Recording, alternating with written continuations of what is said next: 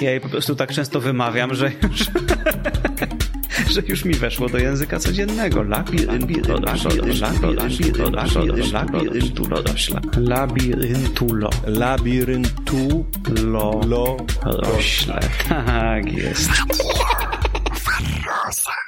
Dzień dobry Państwu, witam w kolejnym odcinku Radio Waroza. Tym razem jestem w Krakowie, a moim gościem jest dr Łukasz Lamża. Dzień dobry, panie doktorze, dzień dobry Łukaszu. Dzień dobry. Kłaniam się nisko, cześć i czołem. Jak zwykle twoje typowe powitanie. Już muszę. Łukaszu, powiem ci na początku, dlaczego jesteś moim ulubionym popularyzatorem nauki. Mm. Takie wprowadzenie. Otóż dlatego, że starasz się e, trzymać w obrębie zazwyczaj deskryptywizmu, tak? Bardzo rzadko pozwalasz sobie na takie opiniujące komentarze, a jeśli już to delikatnie, pozwalasz widzom e, samemu ocenić. Jest to na YouTubie ewenement. Tak, zgadza się, jest to rzadkie. Y, Jestem ogólnie zdania, że w przestrzeni publicznej mamy za dużo op- opinii, dosyć już jest opinii. Jeżeli ktoś ma ochotę posłuchać cudzych opinii, to znajdzie je na pewno.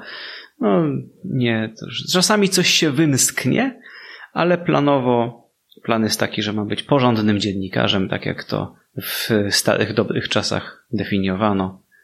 Mówić jak jest.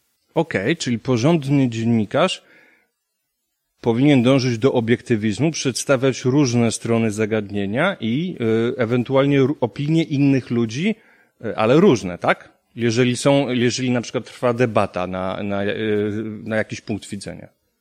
No, zależy czym się zajmuje, ale dziennikarz naukowy, może uprośćmy to, moim skromnym zdaniem, może zacząć w każdym razie. Może zacząć od tego, że opowiada ludziom jak jest, niekoniecznie komentując, co on na ten temat sądzi, no bo przecież są na świecie ciekawsi ludzie niż on sam. Po co się wszędzie pchać ze sobą? Okej. Napisałeś w zeszłym roku publikację naukową o superorganizmach. Znaczy, chyba napisałeś ją dwa lata temu, tylko w zeszłym roku została opublikowana, tak? Tak. Czyli ten proces recenzji troszeczkę trwa. Tak, y, został, w zeszłym roku został przyznany tej publikacji, została przyjęta do druku, został przyznany tak zwany numer DOI, taki oficjalny numer, który mają wszystkie porządne artykuły naukowe. Natomiast co ciekawe, oficjalnie został opublikowany w tym roku, dopiero został ten tom czasopisma się ukazał, ma numer strony i tak dalej, i tak dalej. Także na dwa lata to się łącznie rozciągnęło. Aha.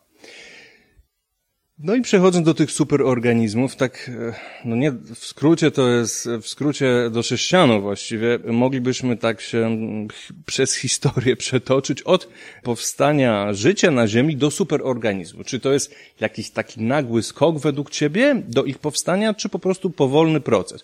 E, Krótko mówiąc, e, czy raczej punktualizm, czy gradualizm? To może wyjaśnijmy jeszcze słuchaczom, tak dla zasady, o co chodzi. Mm, Jest takie pojęcie w biologii, powiedzmy sobie na brzegach biologii, nie jest w głównym e, nurcie biologii, pojęcie superorganizmu. To jest zasadniczo organizm składający się z innych organizmów. Czyli idea jest taka, że czasami ileś osobników, które tradycyjnie uważalibyśmy rzeczywiście, no zgodnie z nazwą, za osobne organizmy, zachowuje się troszkę jak jeden organizm. I takim klasycznym przykładem są owady eusocjalne, tak zwane, coś co myślę jest bliskie Twojemu sercu. Mm, I to jest klasyczny przykład, czyli jakby propozycja jest taka, że, że tysiące pszczół zachowują się niejako jak jeden organizm, podejmują wspólnie decyzje i tak dalej, i tak dalej. Ludzie, mm, termity i tak dalej. Natomiast inna możliwość jest taka, że na przykład mm, termity same w sobie już jako jednostka zawierają w swoich jelitach takie pierwotniaki.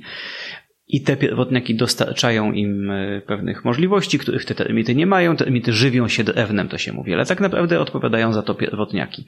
A tak naprawdę, gdyby się przyjrzeć bliżej tym pierwotniakom, to one same w sobie też mają jeszcze bakterie symbiotyczne. I to na, na tego typu rzeczy, tego typu konstrukcje, gdzie mamy jeden organizm, ale mamy jakieś osobniki innego gatunku i jeszcze osobniki innego gatunku i dopiero to wszystko razem jest funkcjonalną całością, na to też się mówi superorganizmy. Więc czasami się mówi na przykład, że człowiek plus nasze bakterie, plus nasz mikrobiom skórny albo nasz mikrobiom jelitowy też są pewnego rodzaju superorganizmem. No więc takie by było tło. Natomiast odpowiedź na, to, na Twoje pytanie jest szybka. To ja myślę, że one zawsze były. To znaczy, myślę, że, że pierwotnym stanem dla świata ożywionego jest y, występowanie tego typu takich symbiotycznych superorganizmów. Myślę, że zawsze tak było. Już od czasów, kiedy głównie były archeony i bakterie, tak? Tak, myślę, że tak. Okay. Zresztą archeany, to co, co ciekawe, one należą do, do takich takich niezwykle symbiozolubnych organizmów, kiedy się bada społeczności archeanów, to ciężko jest je znaleźć nieoplecione bakteriami. To jest bardzo typowa sytuacja, że jest kilka gatunków, one tworzą takie jakieś takie kolonie, ale całkowicie od siebie funkcjonalnie uzależnione. Więc, y, więc tak, zdecydowanie tak. Może dlatego właśnie doszło pomiędzy nimi do endosymbiozy, tak? No taka jest, takie jest właśnie rozumowanie, że, że eukarionty, czyli te, te organizmy jądrowe, takie jak pierwotniaki, rośliny, grzyby, zwierzęta, one powstały rzekomo z archeanów, które przyswoiły do swojego wnętrza bakterie. Tak, i się, i się na to właśnie zwraca uwagę, że mm, archeany wydają się to lubić wydają się całkiem nieźle komunikować się z bakteriami, otaczać się nimi, korzystać z ich usług, dostarczać im innych usług itd. Tak itd. Tak Popraw mnie, jeśli się mylę, ale biolodzy niespecjalnie, e, do przynajmniej jakaś ich znaczna część nie lubi tego terminu superorganizm, a zwłaszcza ci o takim nastawieniu redukcjonistycznym, dlatego że no nie akceptują hipotezy czy teorii o doborze grupowym a z tym jakoś się tak to łączy chyba. Wydaje mi się, przynajmniej z tego, co ja doczytałem, to między innymi dlatego. Wilson jest takim dużym propagatorem wśród znanych biologów. On uważa, że dobór grupowy ma dość duże znaczenie. Bo się zna na owadach, bo jest entomologiem i widział niejedno. Ja myślę, że to nie jest, że to nie jest pojęcie, które jest aktywnie nielubiane przez biologów. Moja, moja własna wizja jest taka, że po prostu jest tyle różnych rzeczy w biologii i tyle pojęć i tyle pomysłów, że biolodzy po prostu Większość biologów w ogóle się tym nie zajmuje, nie interesuje, nie potrzebuje tego, ale nie dlatego, że jest aktywnie temu przeciwna, tylko dlatego, że po prostu nie mają na to czasu, nie mają chęci, nie potrzebują tego. Może dałoby się ich do tego przekonać, ale po prostu nie są zainteresowani. Tak, później zresztą porozmawiamy sobie, na ile te, można definicję rozszerzać na tą funkcjonalność, o której ty powiedziałeś. Dobrze, ale w swojej pracy rozróżniasz to i jak mógłbyś powiedzieć, czym się różnią te terminy holobiont, hologenom i superorganizm? Czy to jest bardzo blisko znaczne? Tak, bardzo blisko znaczne. Holobiont to była taka jedna z nazw na to samo, to, to wymyśliła słynna mikrobiolog, czy też nie wiem, czy wolno mi powiedzieć, mikrobiolożka e, Lin, Lin Margulis.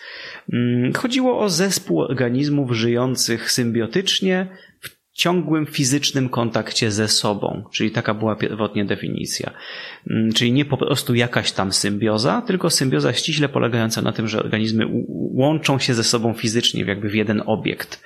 Hologenom to był zbiór genomów tego typu hmm, holobiontu. Natomiast to są wszystko bardzo podobne pojęcia i nie ma co dzielić włosa na czworo.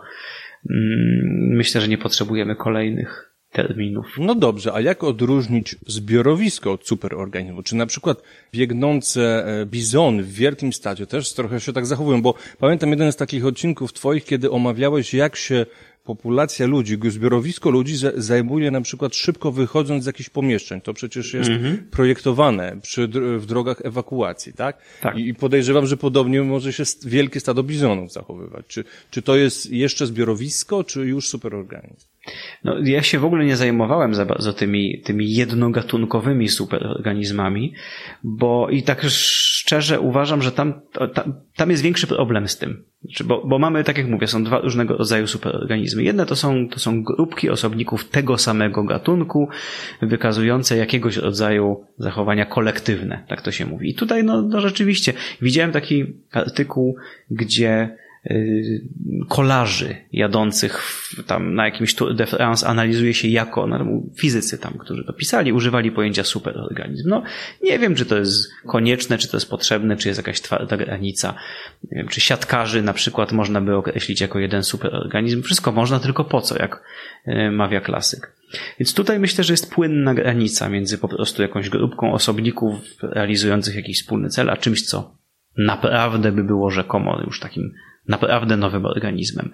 Natomiast w tym drugim przypadku, kiedy mamy ileś gatunków współwystępujących ze sobą i dzielących się funkcjami, to jest dużo łatwiej o precyzyjną definicję, bo te organizmy one muszą być, na przykład, y, muszą nie być w stanie sobie poradzić niezależnie od siebie. Ścisły mutualizm, tak? Tak jest. Taki, taki już obowiązkowy tak? Obowiązkowy, obligatoryjny mutualizm. Jakby ktoś chciał usłyszeć bardziej mądre słowo. Tak jest, to może sobie jeszcze powiedzieć o tym obligatoryjny. Po prostu potrzebują się do życia, nazywając rzecz po imieniu. I są takie no moje ulubione pierwotniacze e, superorganizmy, gdzie mamy, wydawałoby się, no pierwotniaczek jakiś tam taki z, z grupy parabasalia, są takie parabazalne, jakieś tam parabasalia powiedzmy sobie, i ma pokrywę bakteryjną, czyli rosną na jego ciele coś ala skóra bakteryjna. No i można sobie zadać pytanie, czy to jest po prostu przypadek, czy to nie jest jakaś infekcja.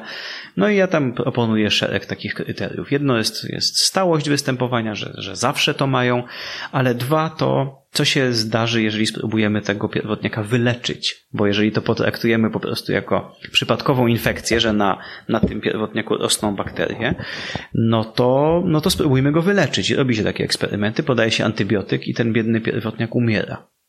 Ale nie od antybiotyku bynajmniej, tylko od braku tych bakterii. Po prostu skasowano mu mikrobiom skasowano mu de facto skórę tak naprawdę, bo te organizmy są czymś w rodzaju naskórka. No ale my też mamy na tak. swojej skórze mikrobiom. To chyba jest uprawniona nazwa. Czy to nie tak, tak, tak, tak, tak, nie tak. dotyczy tylko wewnątrz jeli. Oj nie, zdecydowanie nie. Tak, to jest, to jest dobre słowo. Tak mi się tylko skojarzyło. Oczywiście, to jest mikrobiom tego pierwotniaka. I gdyby człowieka całkowicie wyjałowić, czyli pozbawić nas wszystkich naszych bakterii, to też nie poradzilibyśmy sobie, nie, nie, nie przeżylibyśmy. Więc to jest jeden z, jeden z takich objawów, że, że tutaj coś się dzieje że tu już mamy długotrwały proces komunikowania się tych organizmów i stworzenia pewnej e, funkcjonalnej jednostki, której nie da się już odróżnić. Ty wręcz idziesz dalej, bo proponujesz nawet funkcjonalne, a może już nawet nie trzeba dodawać tego słowa. E, tam też taki termin proponujesz strukturalny superorganizm, e, narządy, organy i tkanki. Tak, to jest tam, to pod koniec już tak sobie troszeczkę idę dalej. Mm, biorę tak naprawdę normalne, uczciwe, legalne definicje z podręczników biologii, takich pojęć jak tkanka na przykład, albo organ. I pokazuję w zasadzie, wydaje mi się, no opublikowali mi, czyli się zgodzili ze mną, że, albo przynajmniej nie chciało im się ze mną kłócić, że jeżeli się zastosuje te definicje do tych powłok bakteryjnych, to one w zasadzie pasują. Czyli z punktu widzenia biologii organizmu jest wszystko jedno, czy moja skóra to są komórki należące do Homo sapiens, czy to są komórki należące do jakiejś tam pelagibakter, czy jakiejś innej bakterii. Czyli mamy pewną całość funkcjonalną, y, która działa w jakiś sposób, no i część komórek tego, tej, tej całości tak się akurat składa, że należy do innego gatunku, ale w zasadzie na poziomie funkcjonalnym, na poziomie biologii organizmu, to jest po prostu skóra. Jeśli masz ochotę, podam Ci przykład mhm. takiego daleko posuniętego czegoś, co jest funkcjonalne wobec pewnego organu, narządu, e, który no, jest jakby u innych organizmów taki fizyczny e, bardziej. No więc profesor Marcin Zyk zaproponował na zapylacze taką nazwę, latający penis roślin. Zapylacze przenoszą pyłek, a w nim plemniki no jasne. na inną roślinę, więc no, spełniają funkcję penisa. Tak. Okej, okay. i dla ciebie to nie jest problem, żeby tą nazwę użyć, bo oczywiście wywołała szereg kontrowersji, no i szereg osób stwierdziło, nie, to jest brednia po prostu. Czy jest o tyle, że rośliny nie mają penisa, czyli to jest... E to by, można by znaleźć jakiś odpowiedni, e, odpowiedni organ anatomiczny rośliny, to by było pewnie bliższe prawdy.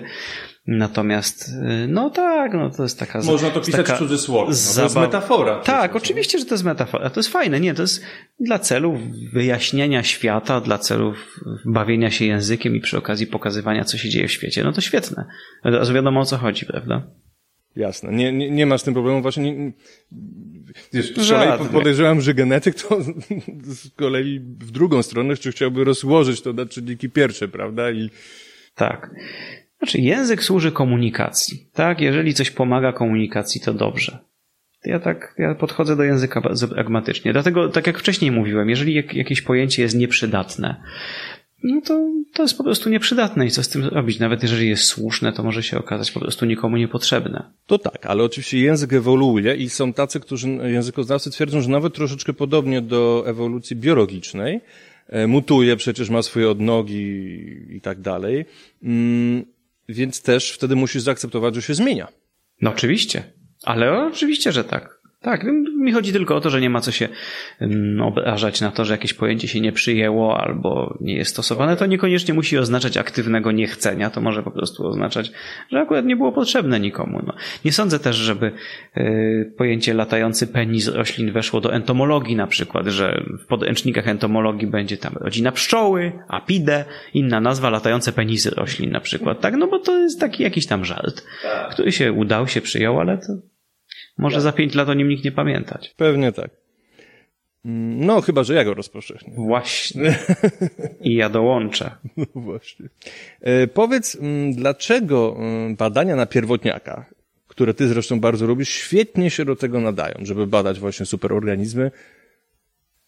Bo w zasadzie większy, no, w wielu przypadkach pierwotniak składa się z jednej komórki. Tak przynajmniej no, Podsta podstawowe ciało pierwotniaka składa się z jednej komórki. Nie jest to zasadą ogólną, są, są piękne przykłady wielokomórkowości pierwotniaczej, ale no, wiele, wiele pierwotniaków to są rzeczywiście jednokomórkowce i dzięki temu to jest łatwiej badać, bo człowiek składa się z, no nie wiem, miliardów komórek, powiedzmy sobie, nawet nie wiem, czy nie bilionów,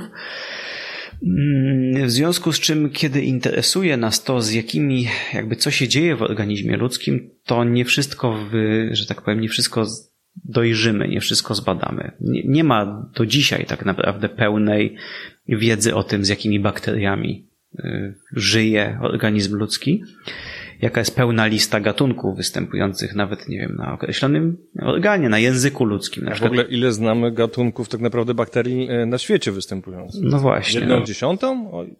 To jest w ogóle ciężko oszacować. Ja myślę, że jest jeszcze gorzej, bo, bo nie do końca wiadomo, jak liczyć gatunki bakteryjne, ale wiemy z grubsza, że jest to mały ułamek. Mm, no więc są tam jakieś tysiące tych gatunków, ale potem, jeżeli się bardzo dokładnie przyjrzeć powierzchni języka ludzkiego na przykład, no to się okazuje, że to jest jeszcze bardziej skomplikowane, są jakieś odmiany, one się wymieniają genami i dzieją się cuda. Krótko mówiąc, to jest skomplikowane. Więc ciężko jest też do końca rozpoznać, jaką funkcję pełni dana bakteria. Natomiast w przypadku pierwotniaka, to możemy schwytać jednego osobnika tego gatunku i go całkowicie od początku do końca pociąć, prześwietlić, pooglądać, mm, zwizualizować przy pomocy mikroskopu elektronowego. Krótko mówiąc, mamy z bardzo dobrą komórkową rozdzielczością cały organizm.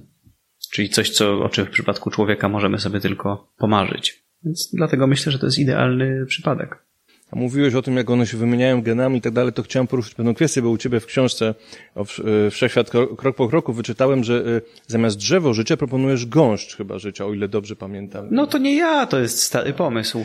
Mam inny pomysł, jeśli chcesz no, posłuchać, ale nie przyjmie się, bo jest za długi. Otóż krzak życia, hmm. na, którym są paję, na którym są pajęczyny. I te A. pajęczyny to będą ten, e, ten poziomy transfer genów, te wirusy na przykład. Wiesz? Mogłoby tak być. Mogłoby tak być. Może to fajna metafora rzeczywiście. Tylko jeżeli pajęczyna, to co jest pająkiem? To to są takie, to jest nie, tymi... tutaj chodzi, że sobie, ja, sobie ja wiem o co chodzi, że są, są mostki pomiędzy nimi. Jest tak? pokrewieństwo takie powiedzmy ściśle darwinowskie, tak. ale no te pająki łączą te gałązki. No ja tak? widzę to, ja widzę to, bardzo dobrze. Popieram. tak, to, to nie jest wcale mój pomysł, to jest, to jest stary pomysł, od kiedy tylko odkryto, że bakterie mogą się wymieniać genami po sąsiedzku przy pomocy plazmidów i różnych innych fajnych sztuczek. No, to, to tak jakoś jest, myślę, porozumienie w świecie biologów, że to nie jest takie fajne drzewko, jak się kiedyś wydawało, że dwie gałęzie się rozdzielą i już ewoluują osobno. Przybliżmy w takim razie słuchaczom e, naszym drogim superorganizmy pierwotniacze i teraz uwaga, muszę się skupić. E, opowiedz coś o śluzoroślach i labinturoloślach. Labiryntulo. Labiryntu Lo. Lo. Rośle. Tak jest. Ćwiczyłeś to przed to lustrem to słowo? Ja je po prostu tak często wymawiam, że już że już mi weszło do języka codziennego. Labiryntulodośla. Mm, no to są, to są dwie grupy mm, pierwotniaków. Y, teoretycznie nie ma pierwotniaków, są protisty, tak się mówi technicznie na to królestwo. Protista, ale ja lubię słowo pierwotniak. Y, powstały zupełnie te, te, te dwa niezależnie od siebie, ale są do siebie troszkę podobne. To są takie dwa przykłady z, zlewania się, łączenia się ze sobą komórek. Mm, w przypadku labiryntu to są y, ich przodkowie byli takimi, no takimi komórkami powiedzmy sobie, to były wiciowce, takie, takie czyli, czyli komórka z dwiema wiciami i zdolnością do tworzenia niby nóżek. No i wielu różnych pierwotniaków o takiej budowie wyłoniła się taka, taka możliwość łączenia się sąsiednich komórek przy pomocy tych niby nóżek. E, są na przykład piękne pierwotniaki z takiej grupy o nazwie Cerkozoa. Niestety one nie mają polskich nazw, te wszystkie, bo to są odkrycia ostatnich 20-30 lat i pierwotniakologia nie nadąża. Czyli jesteś, tak jak ja, fanem polskich nazw. Ja bym utworzył dla nich wszystkich i kiedyś się za to wezmę, ale to, to, to, to jeszcze, że tak powiem. Prawda? Stąd właśnie podoba ci się nazwa dręcz pszczelina Varroa destructor? O, zdecydowanie tak. Chociaż Varroa destructor w dosłownym tłumaczeniu też jest mocne. Destruktor. Warron był taki starożytny e, o. rzymski ród, to rdzenie z pochodzenia etruskiego i dosłownie tłumacząc oznacza potężny niszczyciel. Wow, no, no to wow. tak by to trzeba nazwać. Po, trzeba by wymyślić jakąś fajną nazwę y, polską, nawołuj, na, na, nawiązującą do tego, na przykład potężniak. Albo coś takiego, co brzmi jak nazwa zwierzęcia. Potężniaczek. Potężniaczek niszczyciel. No w każdym razie kontynuując o tych amebach, tak? Tak, to są, no to są takie ciekawe, takie amebowiciowce, bo mają i zdolności amebiczne, czyli potrafią wysuwać niby nóżki, mm, a jednocześnie mają wici. No, więc, więc jest dużo bardzo ciekawych organizmów, które łączą te dwie możliwości, między innymi zlewając się ze sobą. Na przykład, yy, typowa sytuacja, mamy, mamy jakiegoś takiego amebowiciowca i w kolonii jest problem taki, że za mało pożywienia, więc coś, co się dzieje w świecie pierwotniaków, sąsiednie komórki wysyłają ku sobie nawzajem pseudopodia, czyli niby nóżki, one się łączą, zlewają i powstaje taka siatka Taka siatka składająca już się w tym momencie z iluś tam ośrodków, natomiast połączona i składniki odżywcze krążą po tej sieci. To są takie slime nets, czyli takie, takie siatki śluzowate. To ogólnie rzecz biorąc to jest niewielkie, czyli cała taka kolonia może się mieścić na jednym milimetrze kwadratowym. No ale ile tam osobników jest?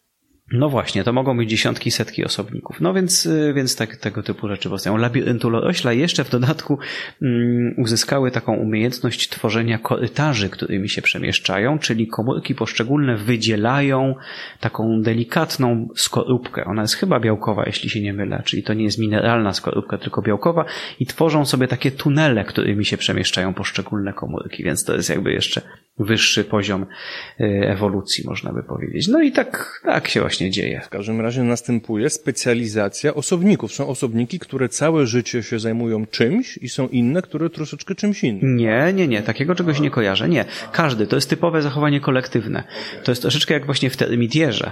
Czyli każdy troszeczkę wyprodukuje, każdy, znaczy w termity akurat się dzielą pracą, ale chodzi o to, że mogłyby nie. Jeżeli chodzi o samą budowę mrowiska, to, to każdy przynosi jedno ziarenko, trochę może na tej zasadzie. Natomiast nie ma, nie ma powiedzmy sobie konstruktorów i Chociaż właściwie no tak. znaczy, są. U eusocjalnych owadów o tyle jest to taki skok kolejny, że tam masz wyspecjalizowane osobniki no tak. do reprodukcji, tak? Do reprodukcji masz. Natomiast ogólnie. Tutaj tego nie ma, tak? Wszystkie się dzielą? Czy nie, tak, natomiast już o śluzorośli na przykład już jest tak, że, że powstaje taka struktura służąca do rozmnażania się, mm, czyli to też są ameby, zupełnie niezależnie wyewoluowały, czyli to jest inna grupa y, ewolucyjna i one tworzą, one, kiedy przychodzi do rozmnażania się, to się, to się zbierają w jednym miejscu, czyli ściągają z okolic. One zresztą występują w Polsce, można je y, odnaleźć na każdym, w każdym zdrowym lesie. Na wilgotnym pniaku, dobrze ocienionym, jest bardzo duża szansa, że tam znajdziecie śluzorośla. Zwłaszcza ich owocniki, czy też tam technicznie to są jakieś chyba sorokarpy. No ale w każdym razie, y, kiedy przychodzi do, czyli żyją normalnie i odżywiają się jako pojedyncze, jednokomórkowe ameby, natomiast kiedy przychodzi czas na rozmnażanie się, to się zbierają się, ściągają w jedno miejsce, łączą się ze sobą i u jednej z no, większych grup śluzorośli powstaje taki trzonek, Czyli z ciał tych ameb powstaje trzonek, a na nim, na tym trzonku, dopiero powstaje ta właściwa struktura i tam są komórki rozrodcze. Czyli te osobniki, które tworzą trzonek, one w ogóle zamierają wysychają. A, no to jest niesamowita specjalizacja. No można by tak po ludzku powiedzieć, poświęcają się. No tak jak właśnie u pszczół czy, czy mrówek. Tak, na ich martwych, to jest trochę tak jakby na ich martwych ciałach ich towarzysze tworzą sobie swoją strukturę i to się może wiatrem na przykład, czyli, czyli spory wy, wy, wypadające z tego, one mogą być roznoszone wiatrem. Bo co do tego słowa poświęcenie, no to nie wiem, czy wiesz, że na przykład e, Japończycy wcale piersi kamikadze nie wymyślili. Domyślam się. No, termity mają takie osobniki. No. Tak, mają? Kwasem. Kwasem. Wybuchają, dużo mrówek ich atakuje, są specja- wyspecjalizowane osobniki, które ros, rośnie im przez całe życie tutaj trochę jak u ksenomorfa. Hmm. Zapasy k- silnego kwasu i jak są bardzo Ha. rozdrażnione, zestresowane, to wybuchają i, i po- poparzonych jest w rezultacie ginie nawet kilkanaście mrówek, które były w pobliżu niego. Ha, świetne, nie wiedziałem o tym. No, no to jest coś Po niesamowitego. dosłownie tak biolodzy to nazywają su, su, Suicide- suicide, suicide bomber. O. No tak. No. Suicide bombings. Teraz czym to się różni od... Ludzie lubią bardzo tutaj stawiać granice pomiędzy człowiekiem, bo, bo taki Japończyk to miał samolot, czyli to nie jest już biologia, no ale Nie wiemy, jaki system wartości mają termity. Mamy, mamy słaby dostęp do systemu wartości termitów. Nie wiemy, jak, jak, jak, czy później mity o nich nie krążą. Jeżeli popuścić oczywiście wodze fantazji. tak, ale chodzi mi tutaj też o to, że no, narzędzia człowieka, nawet te skomplikowane, można do pewnego stopnia nazywać też fenotypem zewnętrznym. No, Tak. Oczywiście, że tak. Tak się robi. Tak się robi. Tak jest. to nie znaczy, że to już nie jest e, jakby... Że to nie jest fenotyp. Tak, tak, ale że, no tak, że to, że to nie jest coś, na, na co wpływa po prostu biologia. No. Oczywiście. No, a skoro przy tym jesteśmy, fajne pytanie, które nam dobrze się połączyło z, po, z poprzednim rozważaniem. Czy uważasz, że termity na przykład twoim mm, mogą tworzyć cywilizację? Czy tu jest jakiś problem definicyjny? Mogłyby. Może tak. To jest pytanie definicyjne, a nie problem definicyjny. Moim zdaniem jest dużo mniej problemów niż się wydaje. To jest po prostu pytanie. W jaki sposób zechciałbym zdefiniować słowo cywilizacja? I jak już sobie wybiorę, ale to jest dokładnie to, co zrobiłem w moim artykule. Po prostu patrzę, w jaki sposób ludzie używają danego słowa i pokazuję, co z tego wynika. Więc nie wiem, jakie są stosowane przez, y, nie wiem, tam historyków, archeologów czy, czy etnografów definicje słowa cywilizacja. Nie wiem, jakie one są. Trzeba by po prostu wziąć te definicje i pokazać im wszystkim. Najprawdopodobniej wy, wynikłoby z tych definicji, że tak. Prawda? Zrobiłem trylogię e, z Kacprem, badaczem właśnie, e, Karaczanów, bo termity już należą klasycznie do Karaczanów, nie wiem czy wiesz. A one były w rzędzie osobnym zawsze. Ale teraz już wyszło, że pochodzą od, e, że to są Lat Todea było, tak, tak? wyspecjalizowane Naprawdę? No to ciekawe bardzo. naprawdę. Po prostu w, toku ewolucji ten, ten hełm No. przepadł. I były te izoptera, to się chyba nazywa po łacinie, prawda? Były, to były dwa do, osobne... należy już do teraz. No, mają wspólnego po prostu przodka. No jasne. I to włączyli w jeden rząd. Fajnie, bardzo dobrze. Teraz my żeśmy rozpracowali de definicję z Wikipedii. Przeczytałem ją na początku odcinka i żeśmy tak e, analizowali, czy to mają, czy to mają, czy to mają, czy mają kulturę. Wyszło nawet, że mają gender. Dlatego, No. że do tego samego gatunku, w zależności od tradycji, jedna termitera może mieć, że, że samice są robotni, robotniczkami, a w drugiej nie, tylko na przykład samce. I to nie jest e, genetycznie dziedziczone. Czyli jest kultura, w dodatku kultura gender. No tak, no tak. Kulturowo przypisane role płciowe. No i bardzo dobrze. Ale no, są tacy, którzy by stwierdzili, a nigdy w życiu, bo tylko człowiek może to mieć przecież. No. No oczywiście, że tak. No, ewentualnie zawsze może przyjść ktoś inny z innymi ulubionymi definicjami, ale to tak zawsze potem się można.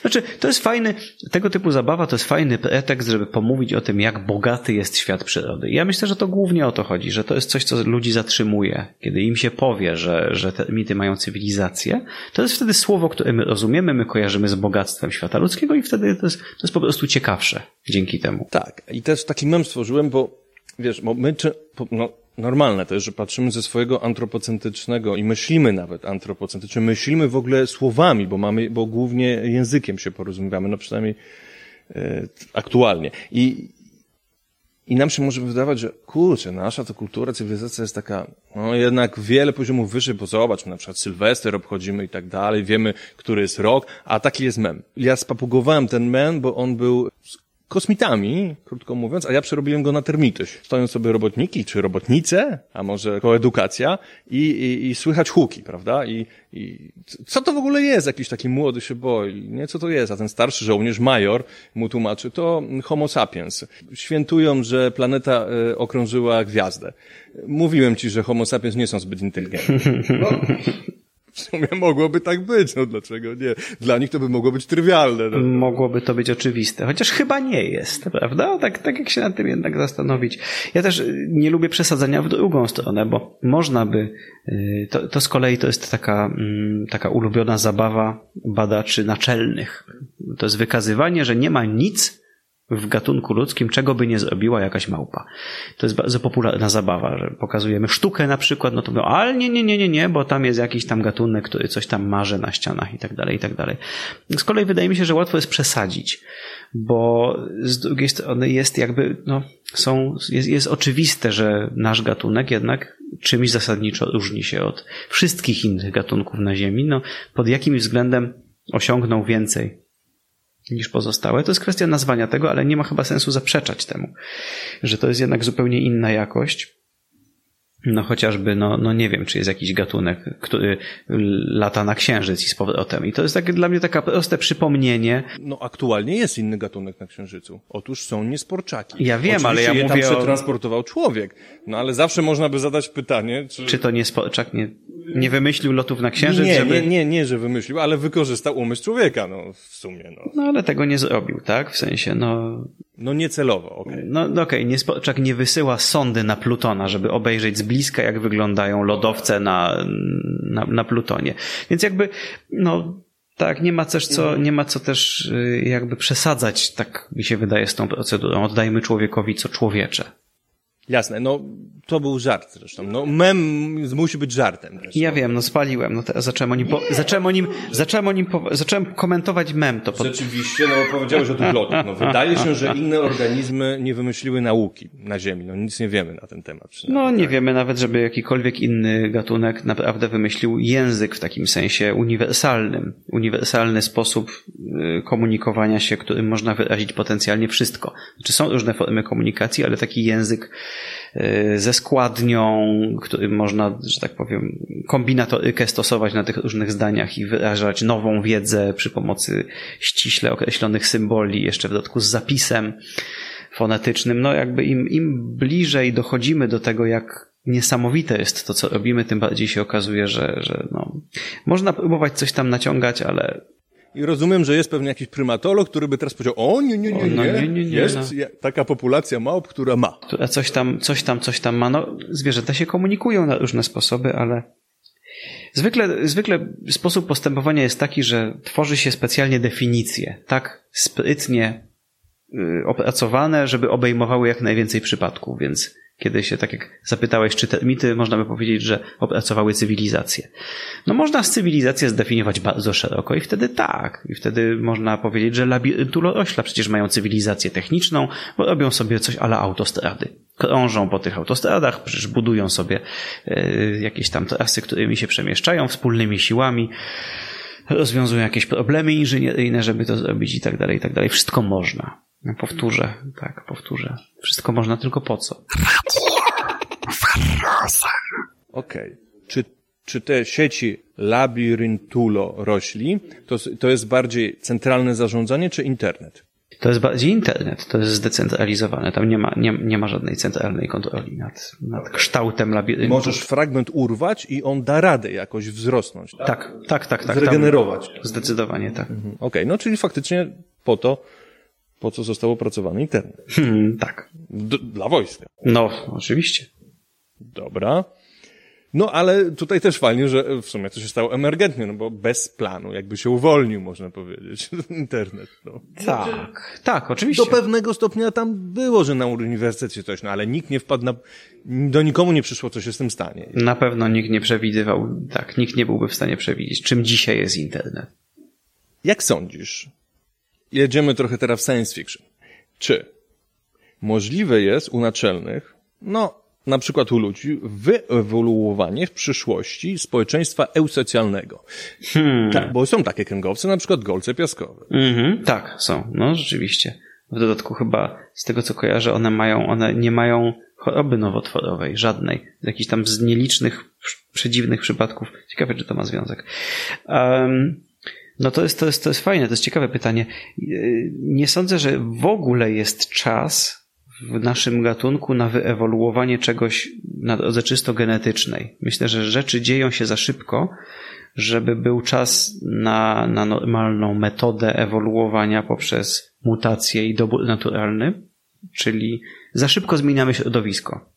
Zmieniamy środowisko szybciej niż ewoluują geny, czyli to jest taka moja pierwsza uwaga, że, że nie myślę w ogóle o przyszłości gatunków kategorii tysięcy i dziesiątków tysięcy lat, bo nie widzę jej. Ale okej, okay, wciągnijmy do tego, wciągnijmy do tego kulturę. Dlaczego nie? No właśnie. No przecież sztuczna macica, y, pewne osobniki wydelegowane do tego. No, zdecydowanie tak. Znowu, no, znowu musielibyśmy niestety, to jest takie nudne gadać z filozofem, ale znowu musielibyśmy troszeczkę do definicji wrócić. Czyli kiedy nasze społeczeństwo określilibyśmy jako eusocjalne? Jakie, jakie musiałoby warunki spełnić? Bardzo proszę, mówię Ci precyzyjnie. Słucham. No, taka jest definicja, że są pewne e, osobniki wyspecjalizowane do reprodukcji, inne działają na ich rzecz, i trwa, i trwa to dłużej niż jedno pokolenie, czyli w gnieździe, w danym superorganizmie jest więcej niż jedno pokolenie organizmów. No to czy zakony wobec tego są i w ogóle klasa kapłańska jest, y, która decyduje się nie rozmnażać, przynajmniej teoretycznie, czy byłaby czymś takim? No, teoretycznie, mówię, teoria jest taka, że to są ludzie, którzy decydują się nie rozmnażać, za to no, czynią pewną posługę jaką tam konkretnie funkcję w społeczeństwach pełnią, to jest zupełnie inne pytanie. Bo na przykład to pytanie zadawał i on uważał, że tak, żebym nie pomylił, George Mern, Joe, John chyba, w każdym razie Maynard Smith. A, ewolucjonista, tak. tak. Twórca doboru y, krewniaczego, zdaje się. Bardzo możliwe. No kojarzę człowieka, ale... Tak, uważał człowieka za eusocjalnego. No i bardzo dobrze. Bardzo dobrze. No, tak, no trochę też tak jest, że, że produkcja w naszym gatunku nie, nie jest równomiernie rozdzielona. Są, są grupy ludzi, którzy się silnie rozmnażają, grupy ludzi, którzy się mniej rozmnażają. Zwłaszcza dzisiaj to, to szybko przyspiesza.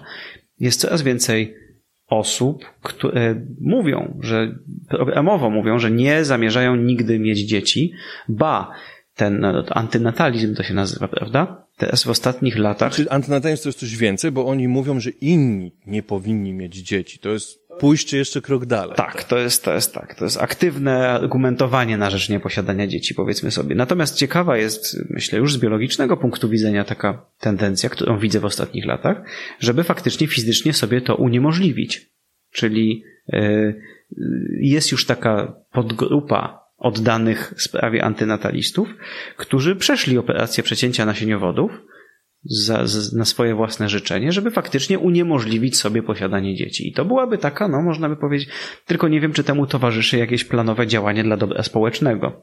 czy to jest po prostu, powiedziałbym raczej, wypięcie się na społeczeństwo. Ale faktycznie pójście do, y, czy to do, do zakonu żeńskiego, czy męskiego i, i pomaganie na przykład innym e, trudnym rodzinom, tak, w opiece nad dziećmi, no, tak. już by coś takiego. Tak, to już by było, no wydaje mi się, że tak. I e, to jest dosyć stary wynalazek. Ponieważ jak społeczeństwa się bogacą, to obserwujemy w naturze taki trend, że, znaczy ludzkie, że e, no, są pewne problemy z płodnością, tak? I to ewidentnie w krajach pierwszego, mm, w krajach najbogatszych bardziej niż w krajach biedniejszych. Czy to nie jest jakiś sygnał, że to już się dzieje?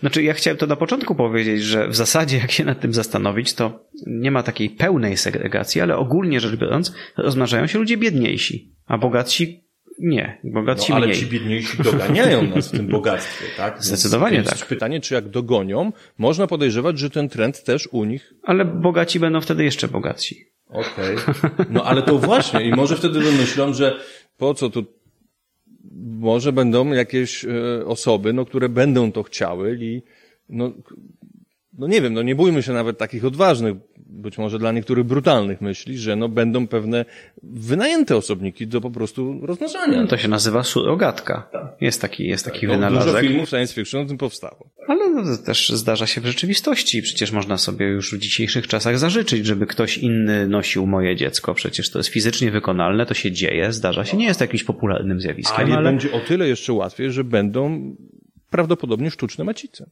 No bo już są dla Mogą być sztuczne macice, ale właściwie no, tańsze może być wynajęcie człowieka, który będzie to dziecko nosił. Przecież jeżeli to jest moje, mój plemnik, mojej żony komórka jajowa, to po prostu będzie nosiła i y, jakaś tam kobita, no to to jest dużo, dużo prostsze. Chociaż się pojawiają komplikacje etyczne, że później... No, etyczne. Mówimy o science fiction, nie mówimy no. o etyce. No okej, okay, no może ktoś tym, tym brutalnie zarządzać, bo coś takiego jak ta eusocjalność, to zauważ, było w Nowym Wspaniałym Świecie. Tam było, oni mieli kontrolowaną, prawda? Oni te tabletki brali, które no, im kontrolowały tak produkcję. owadów eusocjalnych, no. I to jeszcze tak jak tam epigenetycznie owady eusocjalne przecież yy, sobie planują, że teraz będzie robotnik, że teraz mm. będzie żołnierz. Mm. Że, osobnik posiadający sam sam ten genom poprzez wychowanie może zostać odpowiednio zmieniony. No i tam warunkow warunkowali właśnie na odpowiednie osobniki. Takie typowe robotniki, którzy, które miały na przykład niewiele myśleć, po prostu wykonywać zadania. No to co to jest, jak nie robotnik po prostu... Epsilon. Tam to się chyba nazywało, prawda? Eckimi literami były od alfy do epsilonów. No to by była trochę taka pesymistyczna wizja, no ale wiesz... No, wszyscy ludzie, z którymi rozmawiałem na ten temat, uważają, że, że z z wszystkich popularnych dystopii najbliżej jesteśmy nowego, wspaniałego świata. Nie tak całkiem jeden do jednego, ale zdecydowanie, zdecydowanie, no, świat wydaje się sympatyzować. Z... A czy ty sympatyzujesz z tymi opiniami? No, pod pewnymi względami tak. No, samo to takie zabawianie się, że tak powiem, zabawianie się na śmierć. Zdecydowanie tak. Kwestia, kwestia tego, no, że tak powiem, ogłupiania się na swoje własne życzenie i że tak powiem, no właśnie oddzielenia się troszeczkę. Jest, jest taka tendencja we współczesnym społeczeństwie, żeby w ogóle nie przejmować się tymi kwestiami biologicznymi. Taki byłby ideał. Jeden z dostępnych ideałów, ale jeden z ideałów współczesnego życia. Kompletnie się wy, oddzielić od biologii, czyli nigdy nie chorować, umrzeć w kontrolowany sposób, czyli jak tylko zaczyna mnie domagać, to od razu eutanazja. Powiedzmy sobie, można taką wizję stworzyć, czyli że rodzę się, jestem zdrowy cały czas, dbam o to zdrowie, mm, medycyna zapewnia mi w miarę długie życie, około 70 lat, nie robię sobie dzieci w tym czasie, jestem konsumentem, korzystam z kultury, jeżdżę po świecie, poznaję y, ludzi, oglądam seriale, świetnie się bawię, imprezuję. Potem w okolicach siedemdziesiątki zaczyna mi się ciało moje psuć, więc póki co się da to utrzymuję, a potem po prostu się zabijam. I kończy się w ten sposób moje życie. Jest to jakaś wizja mm, kusząca, bardzo kusząca. Wiem, że jest wielu ludzi sympatyzujących z tą wizją, nawet jeżeli nie jest tak otwarcie nazwana, więc to, to zdecydowanie to jest, to mi się wydaje, że to się dzieje. Okej. Okay. No dobrze, pozostawmy to bez komentarza dalej. Czy chciałbyś, gdybyś mógł, być na kilka dni osobnikiem w owadzie kolonii eucycjanej albo w sieci tych śluzorośli, aby doświadczyć, jak to jest i wrócić do nas i opowiedzieć nam o tym w Czytamy Naturę. Hmm, oczywiście, że tak. Ja bym chętnie zakosztował różnych sposobów doświadczania, różnych sposobów bycia. Mm, ale to naprawdę, to myślę, że równie wielkim przeżyciem byłoby wcielenie się w jakąkolwiek inną istotę niż ja sam.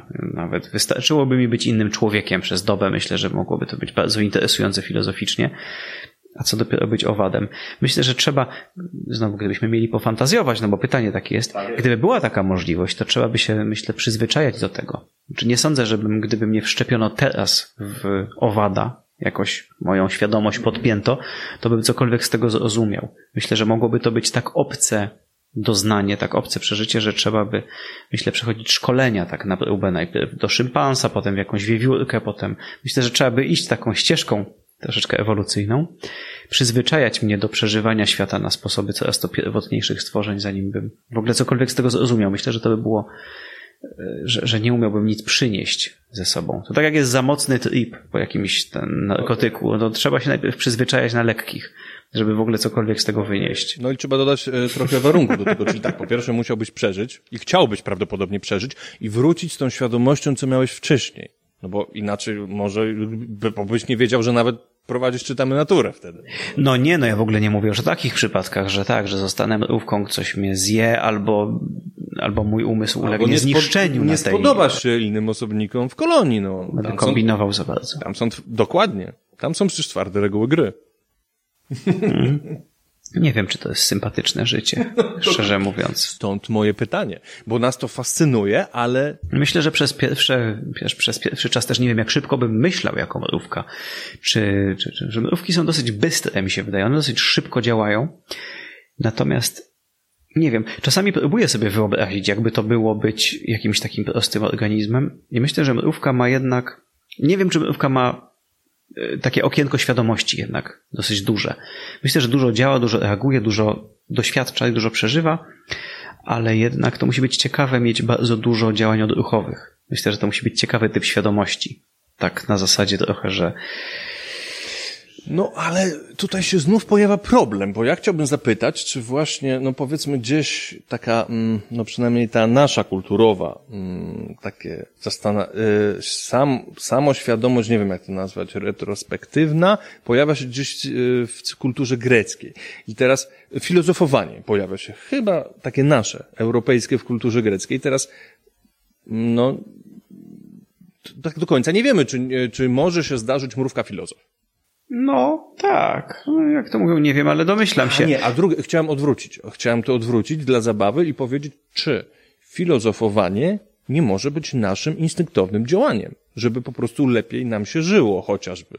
Żeby lepiej zrozumieć pewne rzeczy, tak? No. Znaczy, jeżeli filozofowanie w takim sensie greckim, to dużo do niego trzeba, ale ja bym powiedział, że filozofowie, znaczy Grecy nie byli pierwszymi, filozof, pierwszymi filozofami, byli pierwszymi, którzy o tym gadali. Okej. Okay. I właściwie jeszcze, jeszcze inaczej. Byli pierwszymi, pierwszymi, którzy o tym gadali i się zachowało to ich gadanie. Więc to jest dużo takich jeszcze, no... A ty pod, w takim razie podejrzewasz... Ja myślę, że to jest dużo, dużo starsze. Ale filozofowie w sensie, że w mojej świadomości, w moim strumieniu świadomości pojawia się w pewnym momencie takie troszeczkę pytanie na zasadzie moment, moment, moment, hola, hola, hola, o co w tym wszystkim chodzi i tak dalej.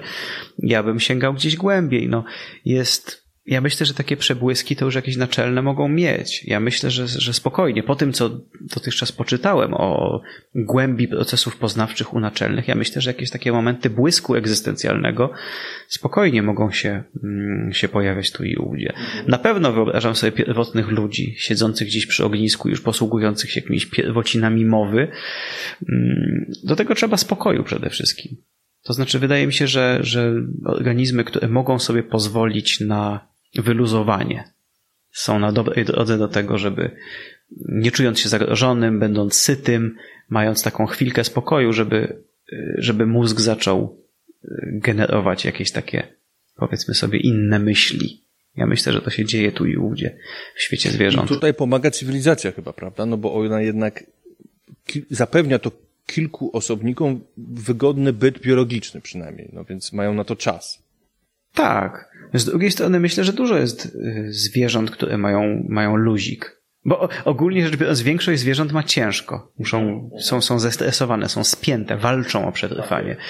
Natomiast z drugiej strony myślę, że to też jest kwestia geograficzna, ale są takie populacje. Gdzieś widziałem kiedyś dokument o, o życiu słoni gdzieś tam w, w, jakiejś tam populacji w Afryce. I to wcale nie jest takie ciężkie życie. To nie są zwierzęta, które muszą co chwilę po prostu um, uciekać, walczyć z czymś. To można też poznać po ilości czasu przeznaczonej na sen.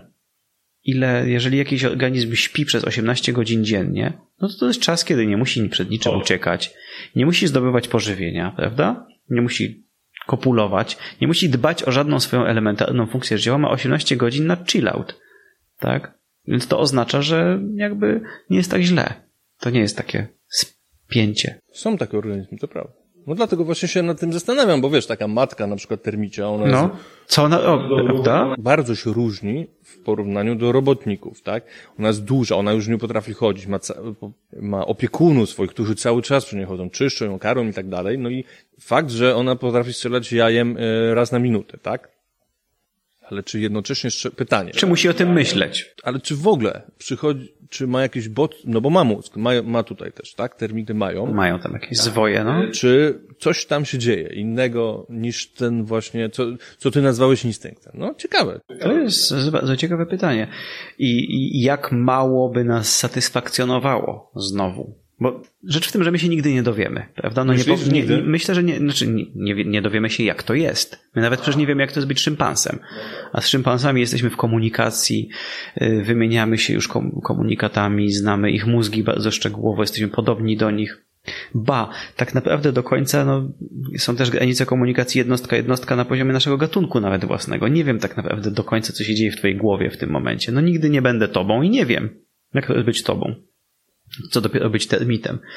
Natomiast myślę, że, że to, że kiedyś poznamy aktywność mózgu termita na tyle dobrze, że będzie można tam wychwytywać różnego rodzaju takie, takie wolne formy aktywności neuronalnej, jakieś takie wynikające, wydaje się, z, z nudy, z lenistwa, zabawy, zabawy. zabawy i tak dalej. Myślę, że tak. Myślę, że to jest możliwe. To jest akurat bardzo optymistyczna e, część życia, prawda? No, że wiele organizmów, tak. moim zdaniem, czuje potrzebę zabawy. Zdecydowanie tak. Ptaki się pięknie bawią przecież, a to też nie są.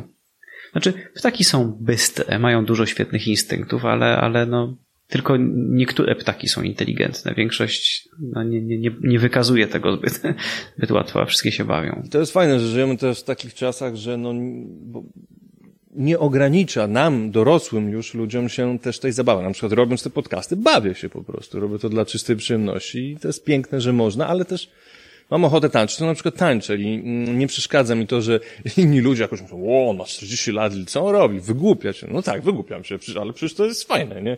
No, były takie czasy, gdzie nie można było tak robić. Tak, tak, to jest, to jest piękne i to jest nowe, to jest nowe, to jest świeże, to jest świeże. Natomiast jestem bardzo ciekaw, czy to nie jest jakiś, czy nie to, nie to samo było w starożytnym Rzymie. Tak widzę jakieś takie pewne y, niepokojące zesta zestawienie, czy to nie jest po prostu dekadencja. Y, że, że my dorośli faceci, którzy jeszcze niedawno bylibyśmy zajęci byciem poważnymi członkami społeczeństwa i, że tak powiem, faktycznie mielibyśmy tyle na głowie i tak poważne problemy życiowe, że nawet by nam nie było w głowie się robić głupoty. Teraz możemy robić głupoty. Ja nie wiem, czy to nie jest jakaś właśnie, czy to nie jest dekadencja, ale. Może być. Nie mam nic przeciwko temu. Aha. A niech upada cywilizacja, bardzo dobrze. Będzie inna, tak? No oczywiście, że tak. Mhm. I post ludzie też będą jacyś inni. No oczywiście, że tak, a nawet jak nie będzie, to też będzie fajnie. No tak, znam twoje wystąpienie, e, nie kontrolujemy, prawda, swojego środowiska, coś takiego mm, i bardzo dobrze, tak? Tak, nie wiemy, tak, nie, ludzie nie wiedzą, co robią i dobrze. I dobrze. I dobrze, no. Też mi się to podoba, bardzo Prawda? mi się to podoba, tak, tak. Są gorsze rzeczy niż anihilacja Na całego jesteśmy gatunku. pionierami, bo tak to jest w przyrodzie, że są pionierzy, ale to, do, inne organizmy najczęściej korzystają z tego, co zostawią ci pionierzy. No więc... Plastik na przykład. No już są przecież organizmy, które świetnie egzystują na plastyce. Mm, oczywiście, że tak. Oczywiście on nam się sentymentalnie nie podoba, bo na przykład żółwik jest tam uwięziony jednak.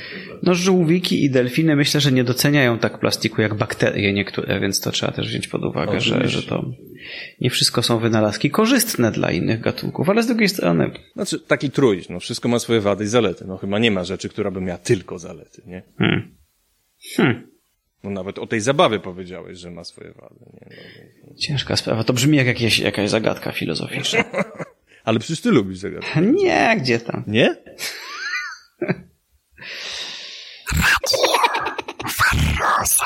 Dobrze, kolejne pytanie, kolejne właściwie zagadnienie. E, mówi się na przykład, i ty to też używasz w swoich książkach, że gwiazda, planeta czy galaktyka nawet żyje prawda? Że ma swój proces i w pewnym momencie umiera, czyli taka gwiazda, no na przykład wybucha, tak, jako supernowa, tak. Albo zamienia się w jakiegoś karła, który już tam sobie tylko się tli. Urocze przenośnie, ale czy coś w tym jest? Czy, czy taką ewolucję astro, astronomiczną można porównywać do ewolucji biologicznej? Nie, ja myślę, że to jest tylko urocza zabawa. Podpisuję się pod tym, pod tym komentarzem, że to jest urocza zabawa. Znowu, to jest to, to, o czym już mówiłem wcześniej. To czasami można pozwolić sobie na tego typu porównania, na tego typu prowokacje. Dobrze jest wiedzieć, gdzie ona się kończy, gdzie się zaczyna i to jest, dla mnie to jest zwykle pretekst do tego, żeby opowiedzieć jakąś historię. Natomiast no, tak jak mówię, no nie, nie przywiązywałbym się do tego. Jest mnóstwo cech życia, ziemskiego życia biologicznego, którego nie mają żadne inne znane nam obiekty we wszechświecie. No i... Bardziej mi też chodziło o to, że taki, taki wytrych tutaj zostawić, że, że jakby wszystko wydaje się, we, że, że we wszechświecie jest procesem, a nie taką, a. że klamka zapadła. I no przecież my jak umieramy, to rzeczywiście nasza świadomość się kończy, no ale jednak wszyscy, nasze komórki są wspaniałym pożywieniem na przykład dla innych, tak? I no... Tak. To absolutnie drastycznie się nie kończymy, tak mi się wydaje, tylko dalej bierzemy udział w procesie. Natomiast i podobnie jest w gwieździe, wydaje mi się. No oczywiście, nic się nie kończy. Gwiazda wybucha, a potem z jej popiołów powstają nowe obiekty. Na przykład życie na Ziemi. No bo I my sami. Tak, oczywiście. Chyba paradygmat tak. główny mówi o tym, że węgiel mógł przywędrować z wybuchów supernowej na Ziemię. A węgiel akurat może powstać nawet w innych gwiazdach, ale, ale cięższe pierwiastki, jak żelazo, jakiś tam nikiel, to też ważne dla życia przecież. Mhm. Mm, to, to, to tylko w tych, w tych naprawdę mocno wybuchających. Tak, we świecie to się. Czyli coś takiego jak kreatywna destrukcja. Zdecydowanie tak. No przecież y, no, w historii życia na Ziemi ileż mieliśmy pięknych przypadków, ileż mieliśmy pięknych katastrof. Y, jakieś zderzenia, asteroid, jedne giną, inne kwitną organizmy. Tak? Zawsze chętnie opowiadam o wielkim holokauście tlenowym, kiedy to atmosfera ziemska z beztlenowej była przez ponad miliard lat beztlenowa, nagle została zamieniona przez te paskudne cyjanobakterie została przekonwertowana w tlenową, no i wszystko, co nie oddychało tlenem, wyginęło. No to jest, biorąc to jako standard, to to, co my robimy z dwutlenkiem węgla, to jest jakiś pikuj zupełnie, to jest jakiś tam kompletnie pierdółkowata tak. zmiana. W skali ewolucji biosfery ziemskiej to to jest w ogóle jakieś śmieszne. Mieliśmy takie przykłady. Terraformowały e, Ziemię w sposób drastyczny. Ale oczywiście, że tak. No to co? Terraformowały Ziemię, no to tak. Masło maślane. No, formowały Ziemię. To, co rośliny zrobiły na przykład, ewolucja roślin lądowych, to, co zrobiła z Ziemią, no to jest coś niesamowitego. No przecież ile, ile milionów gatunków wyginęło e, w historii naszej planety z przyczyn zgoła nie naszych. No tak, tak działa świat. Czy pszczoła miodna to dla ciebie organizm bardziej udomowiony czy dziki? Hmm, ja widziałem ją na liście organizmów udomowionych. E, natomiast y, znowu nie, nie wiem, nie znam pszczół wystarczająco dobrze. E, w przypadku ssaków to się podaje takie cechy, jakie muszą się pojawić, kiedy organizm się udomawia. Tam kłapnięte uszy i tak dalej. Są różne takie cechy. W przypadku pszczoły nie zastosujemy tych kryteriów. Pszczoły są bardziej, powiedziałbym, niewolnikami jednak niż e, organizmami udomowionymi. Ale też znowu po raz kolejny nie będę się czepiał definicji. Co ja jestem? Ja tylko chciałem znać tutaj twoją opinię. Ale faktycznie, no, pewna znajomość do jej wyrażenia e, tego organizmu się przydaje, tak? No, znaczy udomowione, tak jak mówię, no udomowione, no mówi się o roślinach no, czasami, no, że zostały udomowione. jakieś pytania pomocnicze zadać. Mógłbym, no, czy, no, no Jak, jak rozumiesz jakie... zwierzę udomowione i jak dzikie? No to tak? jak rozumiesz zwierzę udomowione? Nie, nie, ja to, jak ty rozumiesz. Aha, ja, ja myślałem, że ja mogę pyta... tobie zadać nie, to pytanie. Zadać na przykład pytanie, znaczy to też możesz, ale myślę, że słuchacze będą ciekawsi też twojej odpowiedzi. Możesz mi zadać pomocnicze pytanie, czy pszczoły, jak się pszczoły zachowują w tej Pod tym i pod tym względem. Znaczy pszczoły no, miodne tak. konkretnie, tak? Czy człowiek na przykład je e, populacyjnie bardzo zmienił pod względem genetycznym? Bo na przykład Przypuszczam, że tak. ewolucjonista by na przykład być może to kryterium zastosował, no bo krowa jest w stosunku do swojego przodka no zmieniona. Jak, tak? No tak. No tak, no to tak. To, to byłoby jakimś objawem e, udomowienia, gdyby pszczoły się zmieniły pod wpływem naszych tutaj a była jakaś selekcja robiona? Jest robiona selekcja, ale moim zdaniem, przynajmniej prywatnym, ona jest wciąż w całej populacji dość niewielka. Dlatego, że dopiero w latach 60. E, opanowaliśmy e, inseminację Pszczoła jest, y, u pszczół jest poliandria, mo, znaczy pszczół, u pszczół miodnych samica płodna, czyli matka pszczela, może mieć nawet do kilkunastu trudni. Mm. Także to się sprawa kombinuje i przez większość nie kontrolowaliśmy tego w ogóle, a, ty, a nadal Polska jest głównie liderem w inseminacji. O. Większość opiera się na naturalnej, mm, na naturalnym krzyżowaniu, więc już nie mówiąc o tym, że cała Afryka i Azja no, polega właściwie na utrzymywaniu dzikiej populacji, tylko że w zamkniętych klockach zwanych ulami. Mm-hmm. E, więc nie ma, nie ma spełnionego podstawowego kryterium darwinowskiego, czyli hodowca nie kontroluje reprodukcji. No nie kontroluje, ale dobiera. Na przykład pewnie mniej agresywne pszczoły, czyli od, od, od czasu, kiedy tak. zaczęły powstawać pierwsze ule, czyli jakieś, nie wiem, strzelam 6 tysięcy lat temu pewnie, to, to były pewnie z różnych możliwych pszczół były wybierane i zatrzymywane te, które były mniej zajadłe. Mimowolnie chociażby. Prawda? Oczywiście, zgadzam się, dlatego y, zadaję to pytanie, bo odpowiedź nie jest oczywista. Nie jest oczywista. Ale ja mogę, ja mogę udzielić niestety e, bardzo smutnej i takiej chyba mało atrakcyjnej odpowiedzi. Szczerze mówiąc, to mi nie zależy. To znaczy, zupełnie szczerze, jeżeli jest jakaś wielka lista zwierząt udomowionych i, i, i, są dyskusje, czy wciągnąć na nią pszczoły, czy nie, to muszę odpowiedzieć zupełnie szczerze, że głęboko na tym mi nie zależy. Okay. Po której stronie te pszczoły się znajdą. Pszczoły są ekstra. Znaczy, czasami... Bez względu na to, na jaką A ja listę pytam, je wciągniemy. Co, no po prostu ja pytam to też innych ludzi, którzy się tym zajmują, bo Aha. ten argument bywa używany w pewnej opowieści, co się powinno. Mm że powinniśmy już o nie dbać, ponieważ są nasze. E, albo odwrotnie, że jak mały, to jest, mały że to jest tak jak o... krowa i może e, niszczyć dziką populację innych organizmów, wiesz, że Aha. powinniśmy uważać.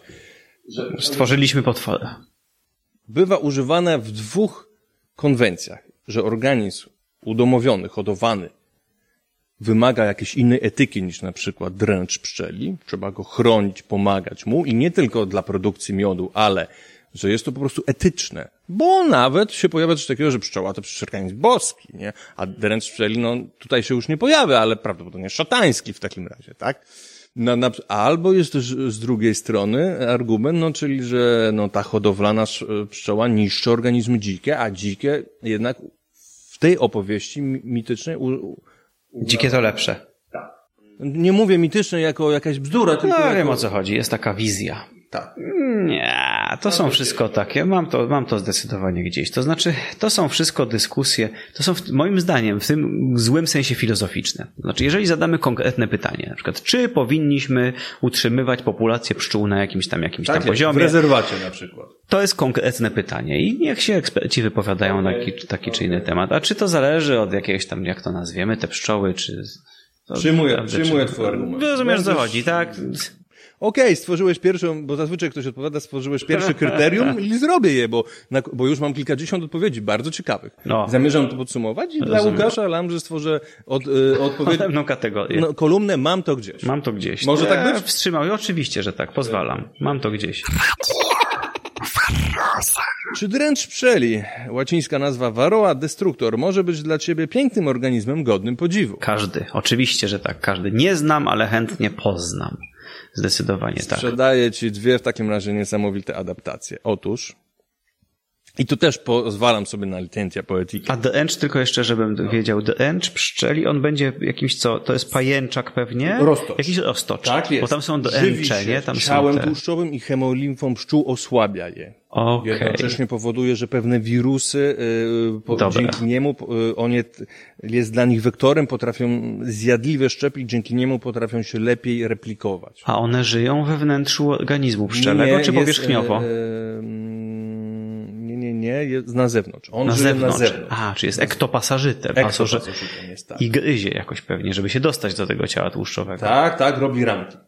Tam się różne inne patogeny wtedy do jej ciała. No właśnie. Tak okay, Osłabia rodzinę pszczelą, ale Dobra. ma swoje różne...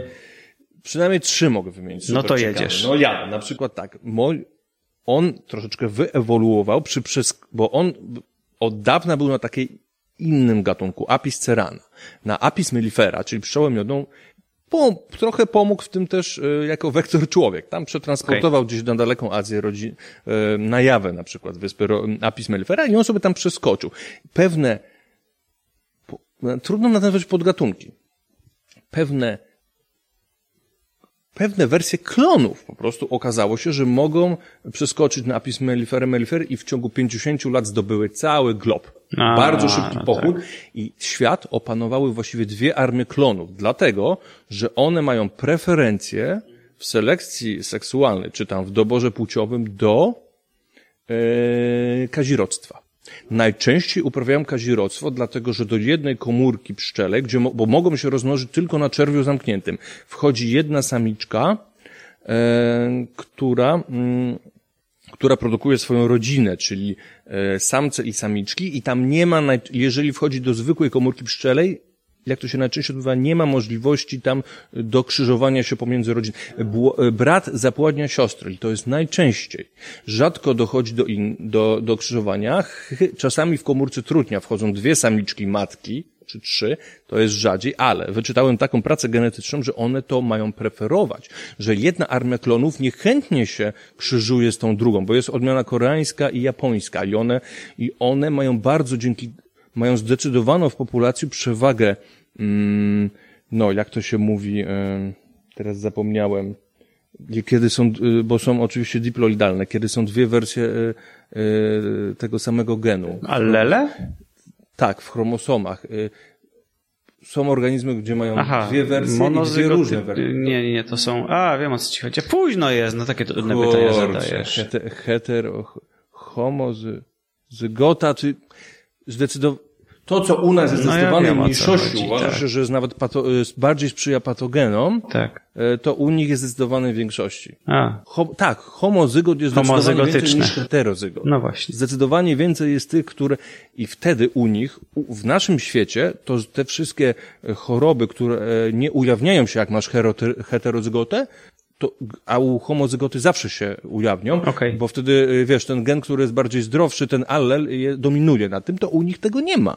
Teoretycznie powinny być bardzo patogenne, a no, zdobyły cały świat. Ewolucję. Odniosły niesamowity sukces ewolucyjny, więc to jest w nich niesamowite. Drugie, jak brat tą zapładnia siostrę. Jak? Otóż ma nos na odnóżu, który wyczuwa mm, orga, e, organy płciowe samicy i przenosi nasienie na odnóża, które stanowią aparat gębowy i w ten sposób je mm, umieszcza w narządach rozrodczych samicy. Krótko mówiąc po naszemu, e, do szczytu adaptacyjnego doprowadziły seks oralny. Ha, na nosie. Na od, aparacie gębowym. Aparacie gębowym. Na odnóżach, które stanowią aparat gębowy. No, no to tak.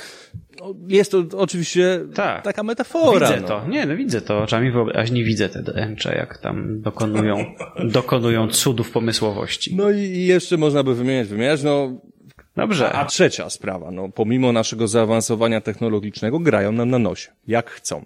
Przez yy, kilkadziesiąt lat nie ma żadnego sukcesu.